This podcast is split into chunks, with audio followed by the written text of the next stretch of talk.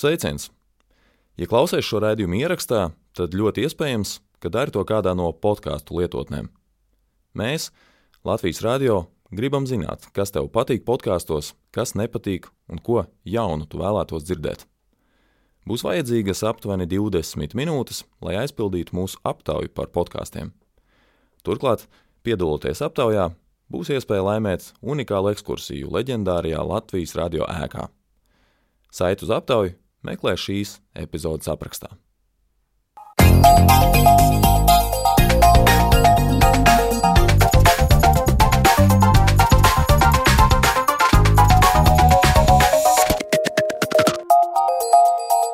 Zināmais nezināmajā. Esiet sveicināti redzījumā, zināmais nezināmajā. Ar jums kopā esmu es Sandra Kropa, un mēs šodien redzījumā parunāsim par vissīkākā izmēra daļiņām, kurām var būt izšķiroša loma dažādu tehnoloģiju ienākšanā mūsu ikdienā. Sākot ar pārklājumiem kosmosa kuģiem, beidzot ar robotiem, kas mērķtiecīgi nogādās antivielas cilvēku organismā, nano izmēra tehnoloģijas jau šodien ir neaizstājamas.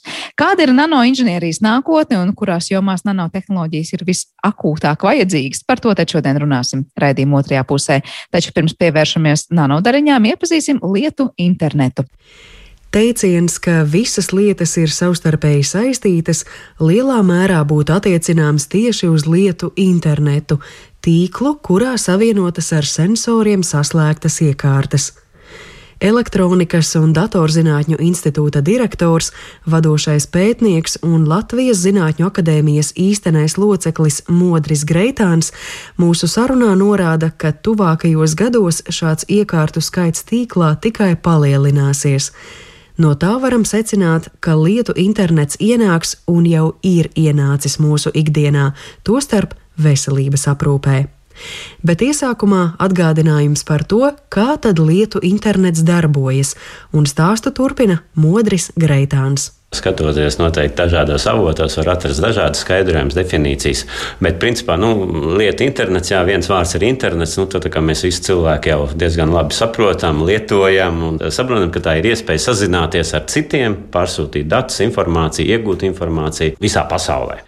Un, ja mēs pieliekam to vārdu lietu, jā, lieta tas tad, tad ir šī gadījumā ne dzīves cilvēks, kas sēž aiz datora, jā, bet tā ir kaut kāda iekārta, kas arī tātad spēja veidot datus, iegūt datus, pārsūtīt datus, saņemt datus no citiem, kaut kādā veidā to izmantot. Jā, tad, tad tie ir kaut kādi objekti, iekārtas, kas savā starpā spēj sazināties līdzīgi kā cilvēki un darboties. Mm. Ja mēs to tā vienkāršot iztēlojamies, tad, piemēram, šeit jūsu institūtā atrastos kāda iekārta, un es izietu ārā no jūsu institūta, un man somā arī būtu iekārta, un lietu internets nozīmētu to, ka šīs iekārtas neatkarīgi no mums abiem var savā starpā kaut kā komunicēt un pārraidīt uh, vienu otrai datus. Tā to var raksturot? Jā, tieši tā, jā, tas var būt tādu ļoti plaši, kas pielietot ir dažādi sensori, jā, kas ir eh, temperatūras sensori vai mitruma sensori vai, teiksim, drošības risinājumi dzīvoklī, jā, kur jums ir iekārta, kas seko, vai nav notikusi kaut kāda nesankcionēta kustība, darbība, jā, un tālāk jau to informāciju pārēd konkrēti jums uz mobilo telefonu, tad, tad izmantojot internetu. Jā. Es gribu teikt, ka lieta internets tas nenozīmē tikai, ka lietas sazinās savā starpā. Jā. Tas nozīmē arī to, ka tur arī cilvēks var būt un saņemt informāciju vai noraidīt informāciju arī pats cilvēks var. Ja mēs runājam par nozarēm, kurās lietu internets ir visparocīgākais, tādas, protams, ir daudzas. Literatūrā tiek pieminēts transports, vides novērošana, arī infrastruktūras novērošana un ēku automatizācija, kuras jūs minētu kā tādas progresīvākās, kurās lietu internets arī turpina iet uz priekšu un attīstīties vēl un vēl, un kurā mēs no tā arī reāli gūstam labumu. Nu, es varbūt tomēr to, ko jūs nepieminējāt, ko man gribētu teikt, ir uh, ražošana. Ja? Ir konkurence, lai varētu uzņēmēji būt konkurētspējīgi, tad viņiem nu, ir uh, jāsamazina izmaksas, jāpātrina ražošanas laiks un jāuzlabo visi tie procesi. Ja? Un es gribētu teikt, ka ir tā saucamais angļuiski industriāli IoT, jeb industriālais lieta, internets, un tā ir joma, kas, es domāju, varētu attīstīties un gūt plašs pielietojums. Otra daļa, varbūt, kas varētu būt saistīta, jā, nu, tas ir izklaidē, es domāju. Izklaidē tādā plašā nozīmē, ietverot arī fitness, kas vienkārši cilvēkiem var patikt, atvieglot viņiem dzīvi, uzlabot jušanos. Un, protams, ja mēs skatāmies arī, kas cilvēkiem ir ļoti svarīgi, tā, protams, ir jā, medicīna. No IT tehnoloģijas skatu punkta es redzu divas tās lietas, kas varētu medicīnā ir aktuālas. Ir pēc iespējas individualizētāk, jā, personalizētāk eh, katram cilvēkam parūpēties par viņu veselības aizsardzību. Jā. Un otrs arī precīzāk, jo nevienmēr tās zāles, ko mēs tur ēdam, mums tik daudz viņas varbūt ir vajadzīgas. Jā. Te nu esam nonākuši pie lietu interneta medicīnā, jeb viedās veselības aprūpes, un avotos lietu internets tiek sasaistīts ar vairākiem medicīnas virzieniem, piemēram, veselības iestāžu darbību, biosensoriem un robotiem, pacientu aprūpi, farmācijas industriju un citiem. Ar tehnoloģiju pielietojumu viedajā medicīnā strādā arī Elektronikas un datorzinātņu institūts, un Modris Greitāns norāda, ka Latvijā šī noteikti ir attīstāma pētniecības joma. Tālāk interesējos, kuros medicīnas virzienos lietu interneta izmantošana būtu patiesi noderīga. Nu, es gribētu teikt, visās, visās jomās viņas ir jēgpilnas un, un, un arī ieviešas. Ja mēs kā skatāmies, tad tas ir pacients. Nu, pacientam, protams, ir interese, lai viņa veselība būtu pēc iespējas labāka, lai ārstēšanās process būtu pēc iespējas īsāks, un lai būtu pēc iespējas nekaitīgāks, precīzāks un tam līdzīgi. Ja. Nu, ja mēs skatāmies, pat, kas ir pacientiem, jā, pamatā šobrīd jā, tie dažādi sensori, kas ievāc informāciju. Tur šobrīd jau parādās gan norījamas, lietas, jā, ja mēs tā sakām, jeb sensori vai ne, teiksim, gan uzlīmējums uz ādas, gan ģērbjams, gan teiksim, citādi. Un ar mērķi, protams, sekot līdzi pacienta parametriem, jā, tas ir ne tikai pulss, asinsspiediens, tas ir arī jau plaši ieviešas glikozes līmeņa vai cukuru līmeņa mērīšana asinīs. Teiksim, tas ir saistīts ar tām populārākām slimībām. Jā, tad, tad sirds un kardioloģijas slimības. Tā ir viena grupa, kur aiziet diabetes, tas ir cita grupa astmas slimniekiem arī teiksim, ir iekārts, kas palīdz viņiem tātad, monitorēt viņu stāvokli. Tālāk, ja mēs skatāmies, tā nākamā grupa ir ārsti. Viņi ārstē pacientu, un, ja pacientam ir šīs iekārtiņas, kas sūta pa viņu datus, tas, protams, dod iespēju ārstiem daudz plašāk iegūt to informāciju. Tas nav tikai 20 minūtes vai pusstundu, kad pacients atnāk, viņa apskata, un, un, un teiksim, tas vai ne tā iespēja skatīties, saprast labāk visas cēloņa sakarības, kāpēc notiek kaut kādi procesi nevēlami vai, vai tam līdzīgi. Ja. Nu, nākamais, atkal, es gribu teikt, tas ir slimnīcas vai medicīnas iestādes, ja, kurām atkal tas lietu internets var pavisam savādākā aspektā palīdz. Tādā veidā, ka tas ir iespēja gan kaut kādām iekārtām pielikt birciņas, lai varētu vienmēr zināt un sekot līdzi, kur viņas atrodas. Tas palīdz teiksim, monitorēt uh, telpu kvalitāti, jā, tas ir gan gaisa kvalitāte, gan paša temperatūra vai citas rādītājas. Tas palīdz teiksim, arī medicīnas iestādēs, ir sevišķi Covid laikā, parādījās, ka ir nepieciešamība rokas mazgāt, ja, un pareizi rokas mazgāt. Ja, tad, tad tas ir iekārts, kur spēj uzraudzīt un pārliecināties, vai teiksim, tur, kur vajag dezinficēt rokas vai vēl kaut kā, vai tas tiek izdarīts, un, un teiksim, arī novērojot jau ar kaut kādu video novērošanu, vai tās rokas tiek pareizi nomazgātas mm. pilnībā. Ja. Ja runa kaut par kaut kādām telpām, kurās nu, tur nedrīkst tām nemazgātām rokām ieiet, iet vai ne, jā, tad vienkārši durvis var bloķēties un neatvērties, kamēr tu neesi izdarījis visu nepieciešamo, kas ir vajadzīgs. Tā kā nu, šeit no dažādiem tiem grupām viens ir, un otrs savukārt laikam jāskatās atkal no dažādām varbūt tām medicīnas nepieciešamības stadijām. Jo, Kā ārsts saka, jā, ka vieglāk ir slimību novērst, nevis izārstēt. Jā. Tā būtu kaut kāda profilakse, agrīna atklāšana, slimību potenciālo Tālāk tas ir ārstniecības procesā, jā, jūs arī pieminējāt, tas varbūt nav gluži lieta internets, bet uh, robotu izmantošana, manipulācija veikšanai, jo nu, tā precizitāte ir iespējama uh, augstāka. Gan arī rehabilitācijā. Jā. Rehabilitācijā tas vairāk ir uh, iekārtiņas, kur spēj sekot līdz cilvēku kustībām, uh, vai tās kustības tiek izdarītas uh, pareizi. Un šī teiksim, atšķirība varbūt no fitnesa, kur tas mērķis ir bijis cits, tad, teiksim, pēc uh, dažādām locītāju operācijām, kad, kad ir jāielok no jauna tā roka. Pārāk strauji sāk locīt nevar, jo tad var kaut kādas sekas būt no tās ķirurģiskās iejaukšanās, kaut kādas, teiksim, ļaunumu nodarīt, bet pārāk maz arī ne, jo tā roka neiekustās ne. Ja? Tā kā nu, no dažādiem aspektiem. Ja mēs runājam par to, cik uh, praktiski un reāli tas ir uh, Latvijas kontekstā, kā jūs uz to raudzītos, jo te es saredzu divus aspektus. Nu, pirmkārt, uh, ir vajadzīgs medicīniskais personāls, kurš patiešām ir gatavs un ieinteresēts tiešām attālināti sakot līdzi tiem pacienta datiem, kāds ir glikozes līmenis, asinsspiediens, gal galā arī mentālais stāvoklis, arī tam var attālināt, izsekot līdzi. Un otra lieta, ka arī pašam pacientam ir vajadzīgs vajadzīga iesaiste vai ne, jo viņš ir tas, kurš, piemēram, autorizē savus datus, lai tad tiem ārsts piekļūst klāt. Un nenoliedzot, ka daudzi seniori to var izdarīt, noteikti ir arī daļa, kuri varbūt to neprot. Par eh, senioriem iedomājos kā par eh, to sabiedrības kategoriju, kurai tieši ļoti bieži ir jāveic tā veselības stāvokļa apsekošana, un lai viņiem nebūtu fiziski tik bieži jādodas pie ārsta, tad tas lietu internets būtu kā risinājums, bet te parādās tā eh, pratība lietot tās iekārtas, vai ne, kas droši vien ir izaicinājums.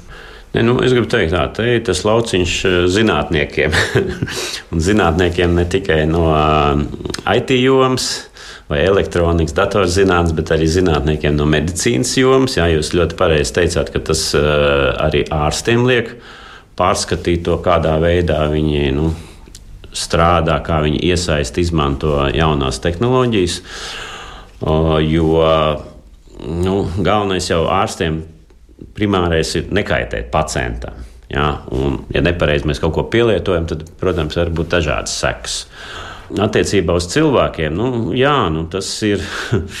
cilvēki mums ir dažādi. Jā. Un cilvēki lieto arī savā citās ikdienās, citi vairāk tehnoloģijas, citi mazāk tehnoloģijas. Un, un šeit tas, es gribu teikt, jā, tā ir zinātnes darbs pie tā, lai padarītu ērtāku to lietošanu, protams, lai izskaidrotu. Nu, cik tas ir droši un vajadzīgi, un kāds ir tas pozitīvās lietas.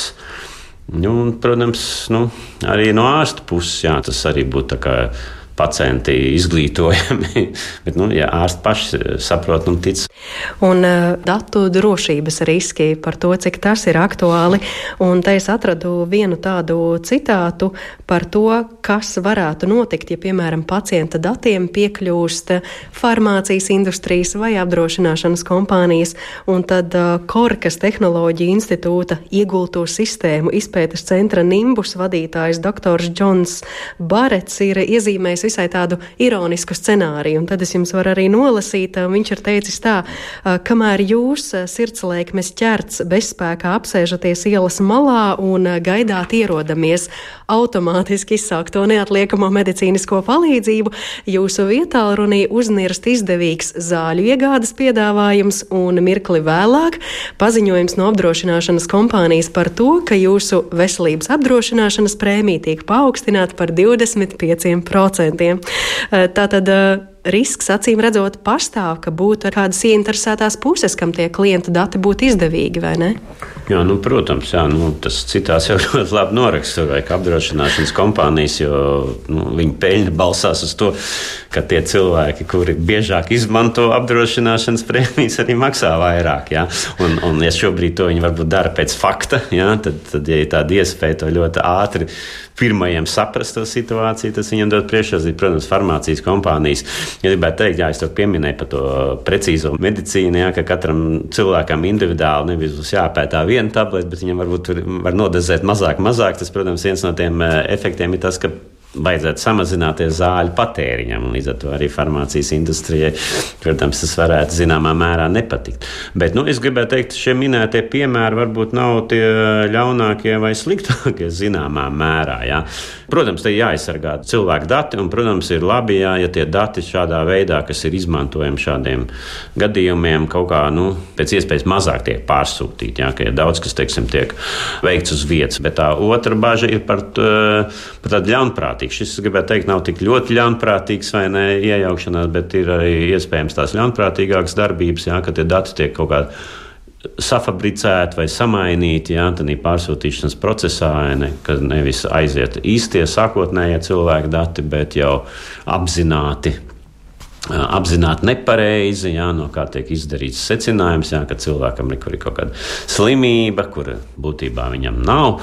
Tad, attiecīgi, viņam zāles jālieto un vēl kaut kas. Un, un, un tas ir tas, kas man liekas, kas būtu svarīgi, ka tiešām to pacienta veselību pasargāt pirmkārt. Jā, un otrkārt, protams, izvairīties no informācijas noplūdes, lai, lai nebūtu lieki piedāvājumi vai, teiksim, citus tā netaisīt biznesu. Ar lietu internetu mūs iepazīstināja Mariona Baltkalne, bet raidījuma turpinājumā palūkosimies uz sīkākām daļiņām, kuras spēj paveikt neticamas lietas tehnoloģiju jomā.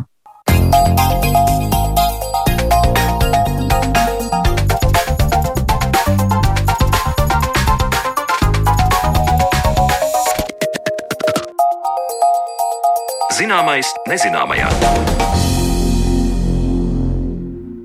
Tūkstošiem reižu mazāks par matu un tomēr tik jaudīgs. Tas ir nano izmēra materiāls, kuru sastopam te ik uz soļa savā ikdienā, un te to izmanto slēpju un ķiveru ražošanā, te tas paslēpts saules aizsarkrēmā un pat zeķēs.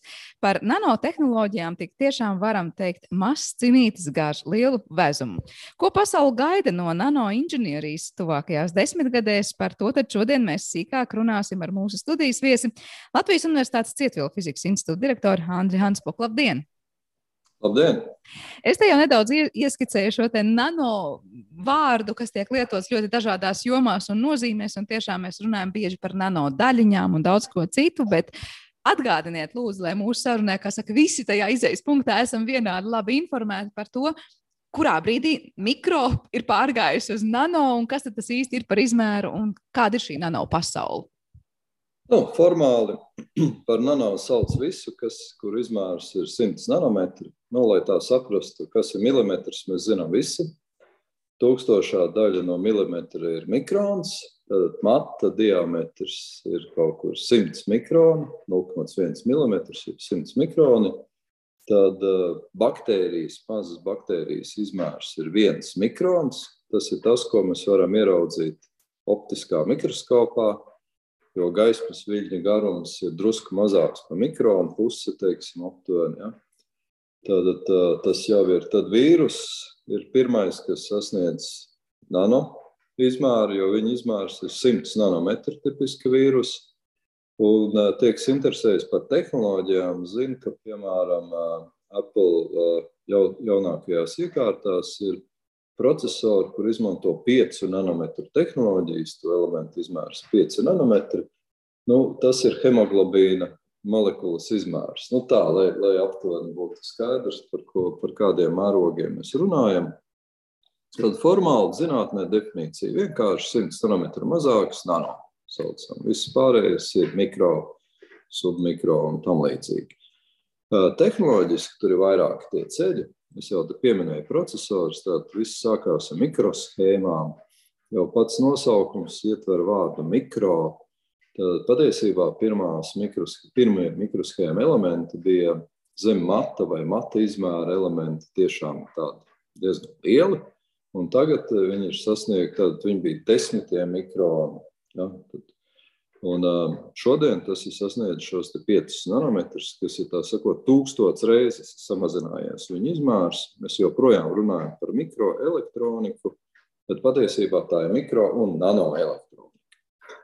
Un otrs, otrs tāda sfēra ir, ir, ir pārklājumi, pulveri un tam līdzīgas lietas, kur ar nano izmēriem mēs jau esam saskārušies diezgan sen, jo uztaisīt ļoti plānu pārklājumu uh, ir, ir, ir bijis pieejams cilvēcei jau kaut kādu laiku.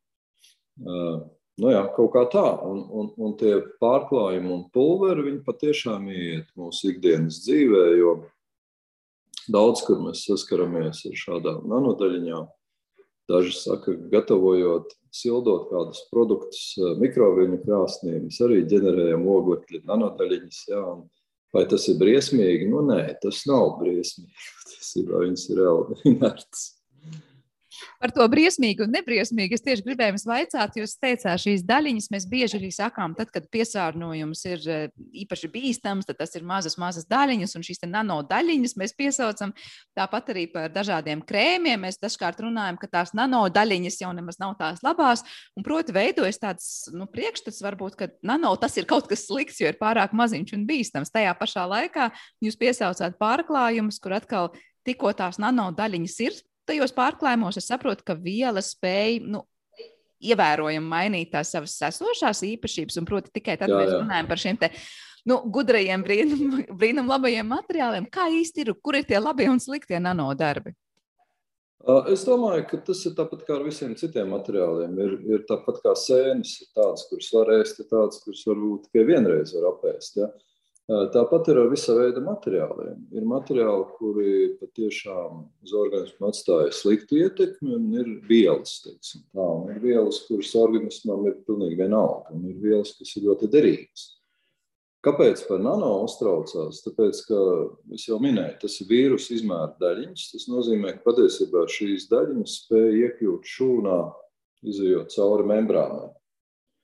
Un tāpēc katra katru šādu vielu specifiski pēta, pret, eh, vai viņa neizraisa kaut ko sliktu dzīviem organismiem. Un tur, tur ir speciāls drošības lapas visiem materiāliem. Un tad, tad, un, bet principā ģenerālais pieņēmums ir tāds, ka darbā ar nanomateriāliem vajag ievērot īpašu piesardzību. Tāpēc, ka nu, tās, eh, kā jau saku, tās vielas var viegli iegūt organismā, Tad pašā laikā visi lieto saules krēmu, kur ir titāna oksīda nanodaļiņas. Un, nu, tā kā neviens no tā nemirst, jā, tā ir pilnīgi taisnība. Cinka ziedi visi lieto, ja, tur ir cinkoksīds. Nu, tās vairāk būtu droši vien mikrodaļiņas, kas ir, un, un viņa tieši funkcija ir nokaut kaut ko. Ja. Tagad tas, tas viss nav tik triviāli un, un, un vienkārši, bet, protams, tā, tā bīstamība ir, ir lieta, ko plaši, plaši pielietojamām lietām tiešām pēta. Un arī bioloģijā tas ir diezgan tāds, es domāju, interesants virziens. Bet, ja mēs piesaucam šos kaut vai sauļošanās krēmus, tad kāda ir tā izmainītā funkcija vai uzlabotā funkcija krēmam, ja tajā būs tā nanodaļiņa? Kāpēc nevarētu būt sauļošanās krēms ar mikrodaļiņu, un tas pats varētu būt par jebko citu? Proti, šajos gadījumos Jā. mēs sakām, tas nano palīdz būt efektīvākam tam līdzeklim, kuru mēs lietojam. Es, es domāju, ka reāli tajos krēmos ir mikrodaļiņas, bet uh, atstāsim to visu mārketingam un, un reāliem tehnoloģiem. Uh, pamatā tā visa būtība strādā uz to, ka ja, ja tas, kas darbojas, ir nevis tas tā daļiņa visa, bet tikai viņas virsma, vai viela visa, vai tikai viņas virsma, tad ir skaidrs, ka jo mazāk mēs uztaisīsim graudiņu, jo vairāk procentuāli tā materiāla būs uz virsmas pret to, kas ir kopā. Tad, ja mēs gribam palielināt virsmas laukumu, mēs viņu saberžam ļoti smalki līdz nano izmērām, tad mums ir maksimālā virsma. Un te mēs nonākam pie tā, kāpēc tas ir vajadzīgs. Tāpēc, ka viena lieta ir katalizatori. Tie, tie ir tie, kas veicina ķīmiskas reakcijas, ar kurām no ūdens iegūst ūdeņradi, vai otrādi ūdeņraža iegūst ūdeni, saražojot elektrību kas veicina dažādas ķīmiskas reakcijas, kurās ražo amoniaku, piemēram, vai sintētisko degvielu un citas lietas. Un tad ir, ir tāda rēķina, ka, piemēram, ja mēs lietotu platīnu, kas ir populārs katalizators, un, un teiksim, tā, tā, tās lietas pieņemtos masveidā, tad mums saka, ka viņa trūkst. Tāpēc mēs skatāmies, kā mēs varam to platīnu pēc iespējas taupīgāk izmantot. Te mēs nonākam vai nu līdz ļoti plānām kārtiņām, vai, vai tieši tādām nanodaļiņām, kur tā platīna virsma pret to masu, ko tur lieto, ir maksimālā. Ja? Un te mēs nonākam pie tā. Pie tā.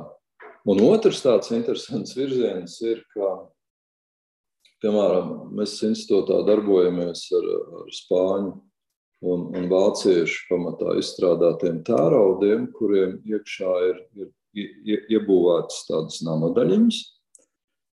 Un uh, ir konstatēts, ka tās nanodaļiņām, pie tām nanodaļiņām pieķerās visi tie defekti, kas padara to tēraudu netik izturīgu. Kad mēs viņu sākam mocīt, viņā rodas defekti, tādas tā kā plaisas var uzskatīt, bet viņas ir tiešām molekulārā līmenī, un nanodaļiņas viņas saķer un neļauj attīstīties. Un tāpēc viņi iztur augstas temperatūras, liela radiācija, kas ir teiksim, kodolsintēzes reaktoriem ārkārtīgi svarīga lieta, kas ir nākotnes enerģijas iespēja.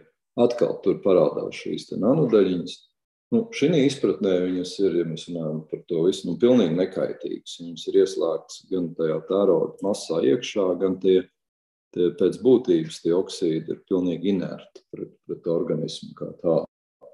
Tas spektrs ir ļoti plašs, un otrs, tas virziens, trešais, pareizāk sakot, virziens ir, ir, ir, ir elektronika, fotonika, tehnoloģijas, kas, kas padara to mūsu dzīvi tādu foršāku.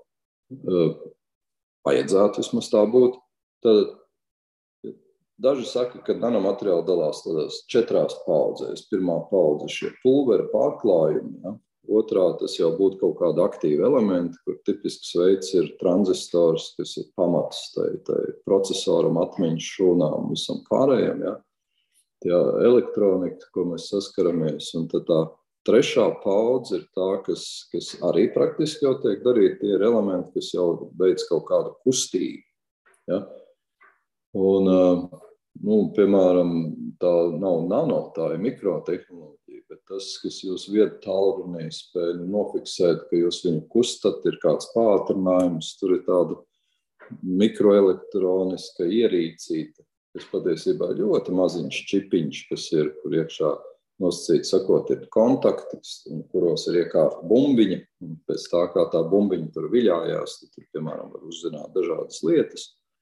Bet eh, šādi mikromanipulatori, kas ir tiešām mikroskopā tikai ieraugāmi, tāda lieta. Un tā ceturtā paudze būtu, kad, kad mēs varētu izveidot kaut kādus nu, nanodies vai mikrorobotus. Teiksim, ja. Un te bija kaut kāda lieta, kur, kur runāja par, ka vakcīnās ir čipi, Ziniet, nu man kā zinātniekam liktos, o, mīļie, ja mēs tiešām būtu sasnieguši šādu tehnoloģiju līmeni, tad mums būtu nopietns izrāviens. Mēs esam mīļie tur vairākas dekādus no tā visa attālumā. Jo, jā, mēs varam uztaisīt šos eh, elementus, kas kustās, varbūt kaut ko līdzīgu motoriņam, biciņai, bet eh, nu, tas, tas ir tā kā, es nezinu, viduslaiki pret mūsdienu robotiku, jā, kaut kā tā. Par tiem nanorobotiem runājot, jā, jūs teicāt, visdrīzāk tie būs mikroroboti. Jebkurā gadījumā mēs, laikam, tautā vienalga gribam daudz ko saukt par nanorobotiem. Vai tas nozīmē, ka tas būs vēl viens solis tālāk, ka robotu būs vēl mazāk un tā tehnoloģija būs vēl atšķirīgāka? Vai tiešām es nezinu, mēs runājām par nanorobotiem parasti kā palīgiem gan sirds ķirurģijā un asinsvadu, gan dažādu zāļu nogādāšanu konkrētajās Jā. vietās. Kāds ir tas pielietojums un ko mēs no šiem robotiem sagaidām? Es domāju, ka nu, sāksim no viena gala. Tas robots nekad nebūs tāds robots, kas ir tāds nu, ikdienā apskatāms robots, kas ir ārkārtīgi daudz elektronikas, daudz uh, spēju, daudz sensoru, visa kā viņā iekšā, kur mēs sakām, ka mēs varam, varētu viņu uztaisīt kā cilvēku vai tādu, kas darbojas līdz cilvēkam, tā ir pavisam cita pakāpe. Protams, šos mikrorobotus ir pareizi saukt par nanorobotiem, jo, jo tā viņu elementi balstās uz nanotehnoloģijām, kas ir ļoti pareizi, es domāju, un adekvāti. Un viņu tāda funkcija būs ļoti primitīva, bet tā pašā laikā nu, kaut kādā ziņā specializēta. Un tas tipiskie piemēri ir, piemēram, bēža ķīmijas terapija, kur mēs sitam pa organismu ar, ar diezgan naidīgām vielām. Viņi strāpa vēža šūnām, bet arī, arī veselām šūnām. Un tad ir visi tie briesmīgie blakus efekti. Un būtu labi, ja būtu kaut kāds veids, kā mēs varam šo zāli nogādāt tieši līdz tai slimai šūnai un tikai tur viņu izlaist. Ja? Un tāds tipisks nanorobotu piemērs ir, ka viņš sameklē slimās šūnas, Ja, un tad tur viņš atver savu konteineru, un tā zāles tur ir sakot, iedarbojās tieši uz to lietu. Un tas būtu ļoti ideāli. Vēl viens ir, kurš teiksim, varētu uh, droši vien sameklēt kaut kādas atkal vietas, kurās vajag nu, kurus vajag citā veidā iznīcināt, un tad ar kaut kādu starojumu, parasti gaismas vai mikroviļņu, mēs, mēs viņus tur uzkarsējam, uzcepam kopā ar visu to, kas tur būtu jāuzcep. Līdz ar to tas, tas, tas notiek. Tur ir vairāk tie veidi, kā, kā to taisīt, bet tā medicīna ir tiešām viens no virzieniem, kas to virza uz priekšu. Pārējais, nu, tur, man liekas, tur fantāzija, tā sakot, ierobežojumi nav. Bet, kā jau teicu, nu, šobrīd mēs esam nodemons, mums ir demonstrators. Var, principā, var kaut ko līdzīgu motoru uzbūvēt. Principā mēs varam uzbūvēt kaut ko uh, līdzīgu tam, kas sajūt un kaut kur pagriežas, bet um, nu, tas vēl ir diezgan tāls ceļš. Tā kā vēl paies laiks, līdz to redzēsim reālajā dzīvē, bet nu, skaidrs, ka tās pielietojuma jomas jūs iezīmējat vairāk būs medicīna un, un tehnoloģijas plašākā mērogā skatoties. Lai gan zem vārda tehnoloģijas mēs mūsdienās tiešām varam palikt te jau jebkuru jomu. Es gribēju jautāt, kas notiek Latvijā, kas notiek pie jums Cietvielu fizikas institūtā, pie kā jūs strādājat nano inženierijas lauciņā? Es domāju, ka Latvijā ar nanotehnoloģijām pamatā nodarbojās gan Cietofizikas institūts, gan Latvijas universitāte, gan um, Rīgas Tehniskā universitāte. Uh, katrs varbūt drusku no sava skata punkta, un mēs strādājam pie uh, elektroniskām, pie fotoniskām ierīcēm, pie sensoriem, uz to visu balstītiem. Um, arī ir tād, tāds diezgan spēcīgs augošs virziens par kvantu tehnoloģijām. Um, tieši, un, un tad ir arī tas virziens, kas, kas runā par, par, par šo nano izmēru pielietošanu katalīzē, baterijās, ja, materiālu stiprībā, kas ir varbūt tā pirmā paudze, jo oglekļa nanocaurulītes iemaisot polimērā, tur iegūst īpašības. Tas jau ir sen viss zināms, ir oglekļa šķiedrs, tur visādi plastika un vēl kaut kas, un to visu var arī ar nano izmēru oglekļu elementiem darīt. Tā kā arī, arī darbojamies ar, ar tādu tā kā kustīgu elementu, šo mikromehānisko ierīču, tā sakot, to konceptu tādu jaunu izstrādi. Tagad Latvijā notiek ļoti dzīves, dzīva tā dinamika. Un tas, kas varbūt specifisks tieši Cieto fizikas institūtam, ir tas, ka šeit ir tas, ko es saucu par nanotehnoloģiju centru, Šeit ir vieta, kur to var izgatavot. Ja agrāk bija tā, ka mums kolēģi brauc uz pie Zviedrijas vai Vācijas vai citiem kolēģiem, lai savu to konceptu uztaisītu, tad tagad ir tā, ka mēs to varam izgatavot arī Latvijā. Tas ir diezgan svarīgi, jo tā ir ne tikai zinātne, no tā visa aug ārā arī industrija. Es to saucu par nanotehnoloģiju centru, bet, ziniet, nu, ir ir, ir pašreiz diezgan karsta tēma, ir ierīces, kas pavisam ir mikro izmērā. Tiešām, jā, tas ir, viņas pat īstenībā ir tāda kārtīga mikroskopa stikliņa izmērā, tādas lielas, bet viņās ir tādi mikrokanāli, to sauc par mikrofluīdiku. Tas ir kā santehnika, tikai zem milimetra izmēros. Ja?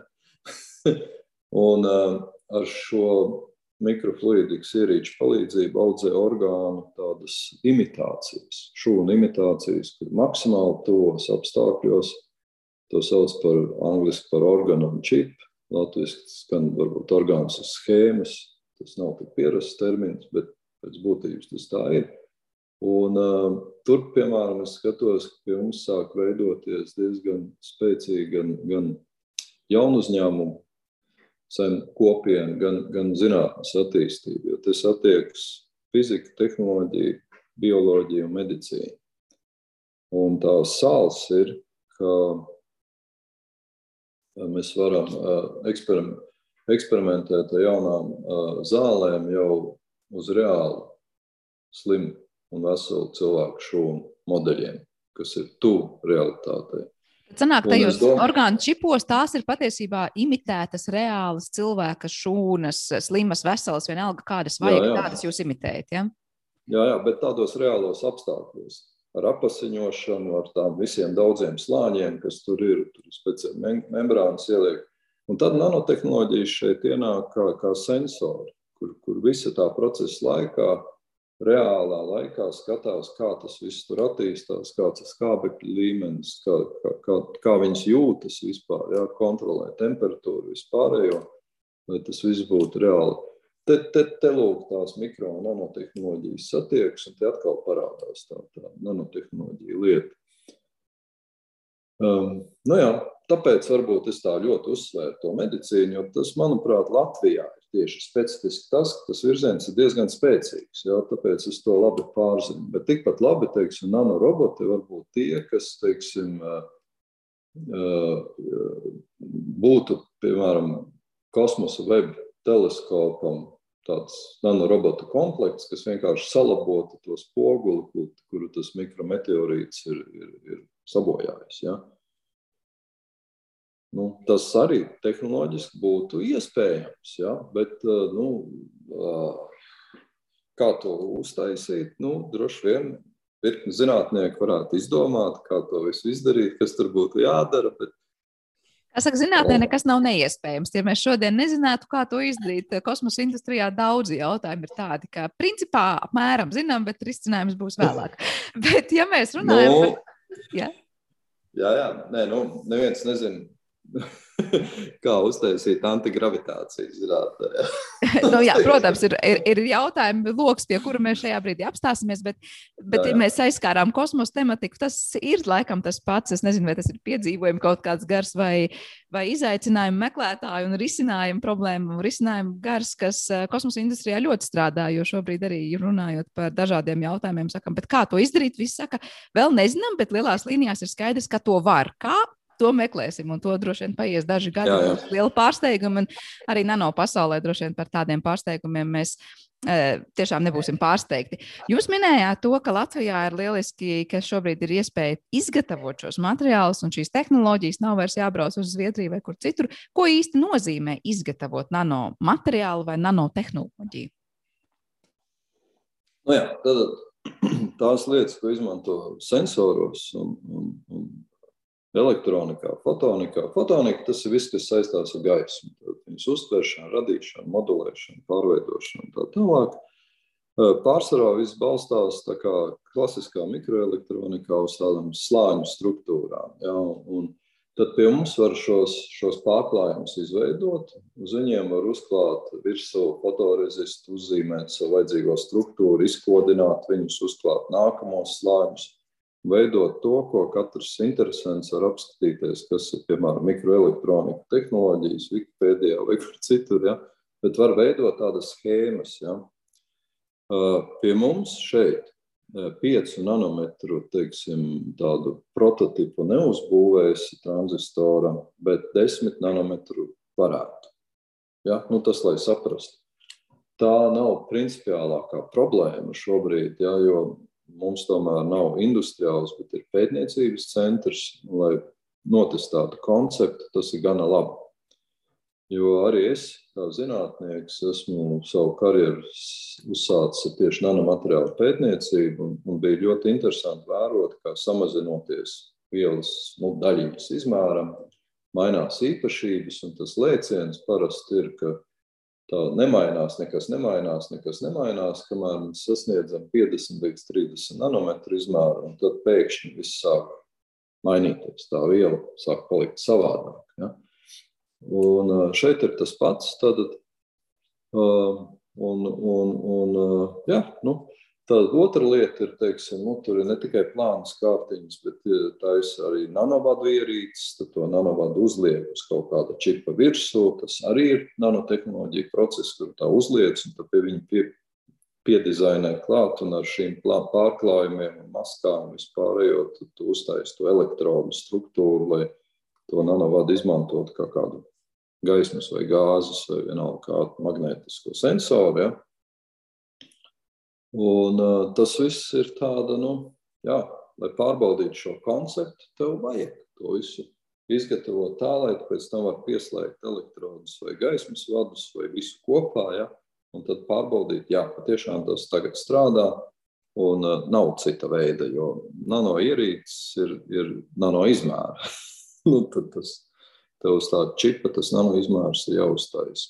Tā ir tāda viena lieta. Jā. Un arī tie mikromanipulatori ir tādi, kas, kas teiksim, to nanovadu ļauj uh, saliekt, paskatīties, kas mainās. Ja? Tad tur ir tāda arī mikro, mikronu izmēra ierīces, kas, kas spēj viņu pastumt, paliekt, pastiept. Nu, tā, tā tos visus pie mums šeit var tiešām izgatavot un tiešām šeit strādā pamatā vairāk mūsu un Latvijas universitātes, bet arī uh, tehniskās universitātes cilvēki arī sākuši jau interesēties un droši vien jau nākamgad izies kāda apmācība un arī sāks darboties.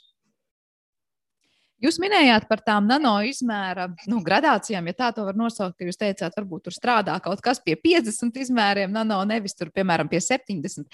Kā notiek, kā pētniekam vai tam cilvēkam, kas izgatavo šīs tehnoloģijas, tagad zināt, ka, lūk, piemēram, viela kaut kādus īpašības vēl nav mainījusi, lai gan jau ir sasniegti kaut kādi nano līmeņi, Bet ir, virz, ir jēga virzīties vēl uz priekšu un mēģināt to nano izmēru samazināt, samazināt, samazināt, lai tā viela varbūt atklātu kaut kādas jaunas īpašības, vai šī tehnoloģija parādītu kaut kādas jaunas iespējas.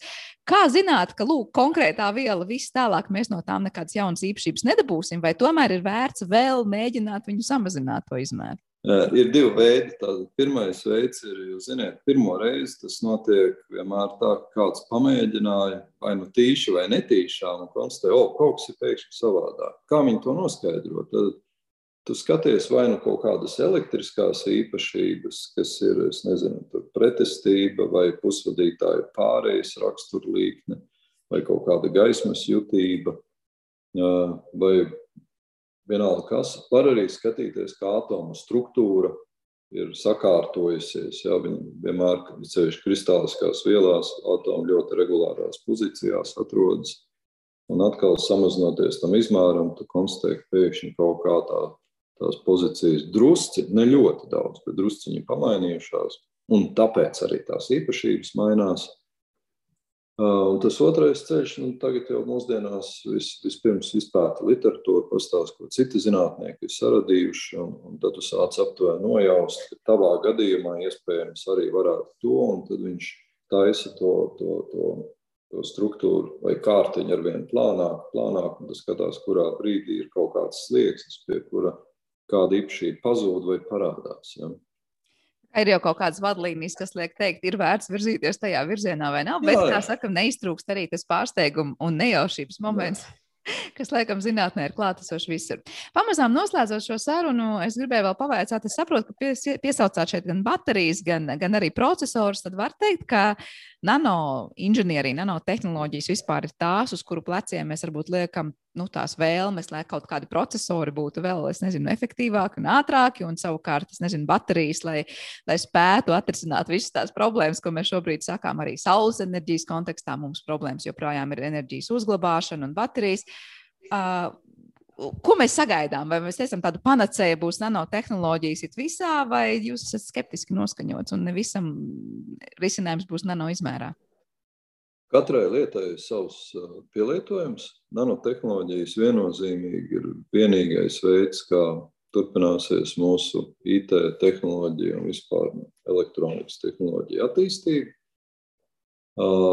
Es domāju, ka tur gaidām ir, ir ļoti tādas, pat teikt, revolucionāras lietas, bet um, tur nav cita ceļa, kā turpināt iet šajā nano virzienā, no pāriet no plaknes uz telpiskām nanostruktūrām. Tas ir tāda viena lieta. Tad es domāju, ka nanomateriāli, nan, nanotehnoloģijas vai nanoizmēra daļiņas, vadi, kārtiņas arī materiālos būs ļoti, ļoti, ļoti, ļoti arvien nozīmīgākas lietas.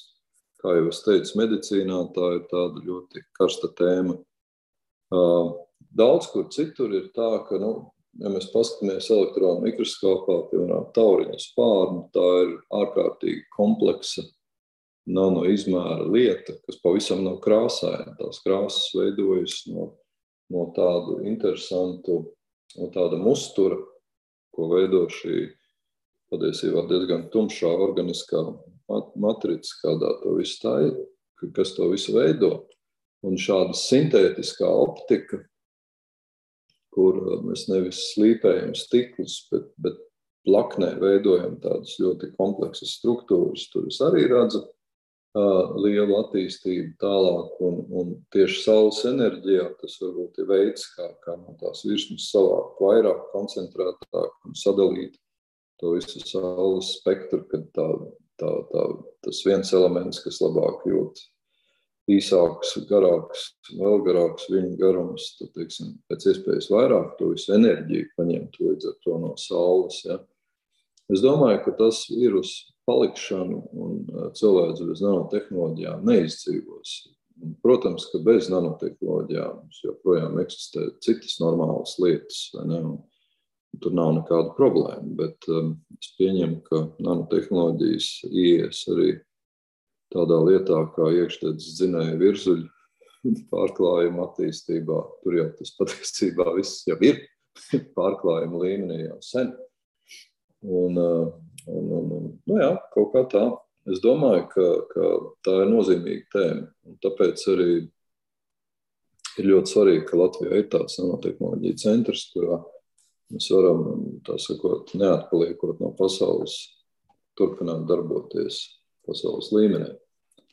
Jā, nu es novēlu jums veiksmīgu darbošanos šeit, pat uz vietas, esot pasaules līmenī. Un tiešām, kā jūs minējāt, Jā. arī tie nanotehnoloģiju, nano attīstības posmi ir bijuši dažādi. Liekas, ka tiešām tūlīt, tūlīt būs vēl kāds nākamais attīstības posms, un es nezinu, paudze liekam jaunu klāt. Jo tas, kā runājām par nano daļiņām un tehnoloģijām, laikam pirms desmit gadiem, būtu pilnīgi atšķirīgs no tā, kā mēs runājam par to, ko no šīs pasaules sagaidām mūsdienās un šajā gadsimta daļā. Lielas jums paldies par sarunu. Andris Anspoks, tātad Latvijas Universitātes Cietvielu fizikas institūta direktors ar mums bija kopā šajā raidījuma pusstundā. Ar to raidījums ir izskanējis un paldies visiem par klausīšanos. Atgādinu, ka šo raidījumu producēja Paula Gulbinska, par mūziku gādāja Girds Bišs un ar jums kopā bijis Sandra Kropa. Uz tikšanos!